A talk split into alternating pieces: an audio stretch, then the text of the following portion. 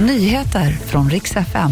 Räntan på studielån mer än fördubblas nästa år och skyhögt intresse för biljetter till Eurovision. Så många stod i kö.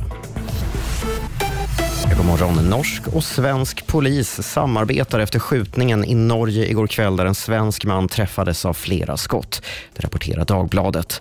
Minst två misstänkta gärningsmän jagas och man har också bevakning vid gränsen mot Sverige. Enligt uppgifter till Expressen har offret, som är i 30-årsåldern, kopplingar till Foxtrot-nätverket och gängledaren Rawa Majid.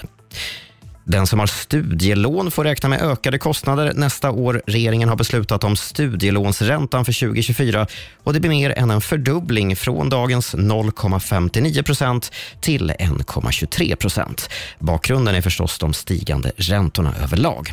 Den som har 300 000 i studieskuld får betala 76 kronor mer i månaden har man mindre än 232 000 i skuld får man istället förlängd återbetalningstid. Och sist ska det handla om Eurovision Song Contest. I maj går tävlingen av stapeln i Malmö och igår släpptes biljetterna. Intresset var skyhögt. Över 400 000 personer stod i den digitala kön och de allra flesta blev utan. Nu är plåtarna slut, men enligt SVT kommer det släppas fler längre fram. Så det är bara att hålla utkik för en ny chans. Och det var de senaste nyheterna. Jag heter Robin Kalmegård.